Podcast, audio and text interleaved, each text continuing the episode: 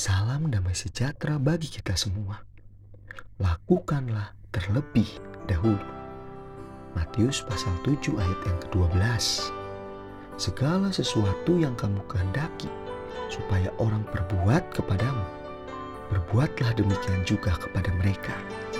Itulah isi seluruh hukum Taurat dan kitab para nabi.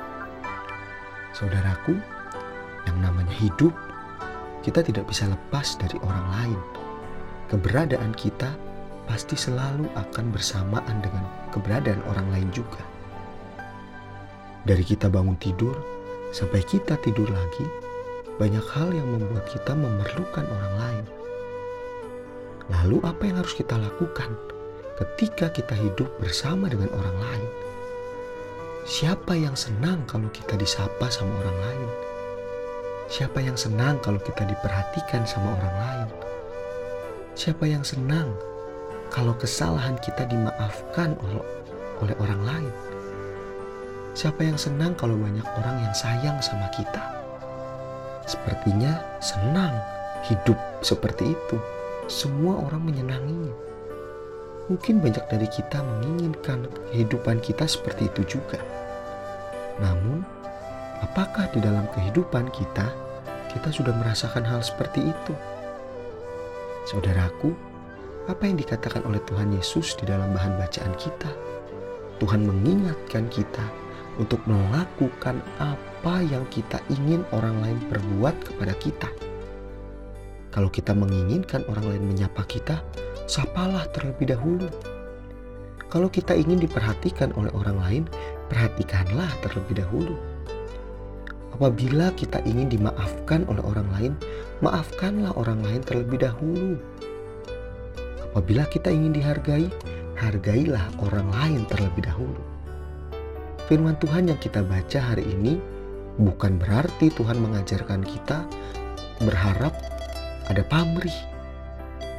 Ketika kita melakukan sesuatu, kemudian nanti ada orang yang melakukan balik kepada kita.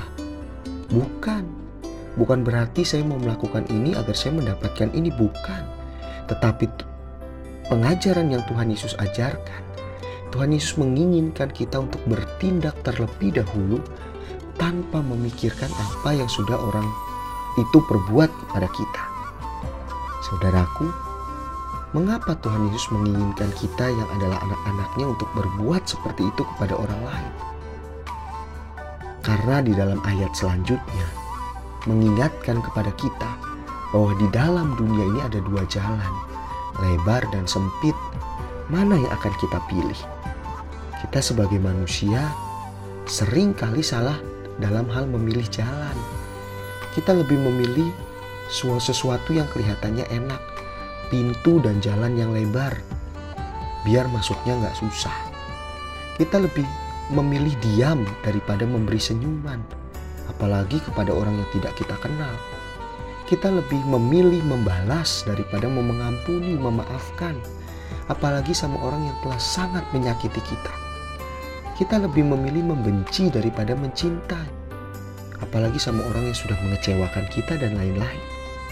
Saudaraku, masuklah melalui pintu yang sesak dan jalan yang sempit, karena menuju kepada kehidupan. Menuju pintu yang sesak dan jalan yang sempit memang mungkin tidak akan seenak apabila kita melalui pintu dan jalan yang lebar. Butuh pengorbanan, butuh kadang-kadang juga kerendahan hati dan lain-lain. Namun ketika kita menuju pintu yang sesak dan jalan yang sempit, maka Tuhan akan selalu ada bersama dengan kita pintu dan jalan yang jarang dipilih oleh orang, namun akan menuju pada kehidupan. Kita hidup di dunia ini pasti berhubungan dengan orang lain. Lalu apa yang Tuhan ingin kita lakukan bagi orang lain? Fransiskus dari Asisi pernah menaikkan sebuah doa yang sangat indah. Oh Tuhan, janganlah biarkan ku ingin dihibur melainkan menghibur. Janganlah biarkan ku ingin dimengerti, melainkan mau untuk mengerti mau untuk mengasihi dan bukannya dikasihi. Lord bless you and keep you.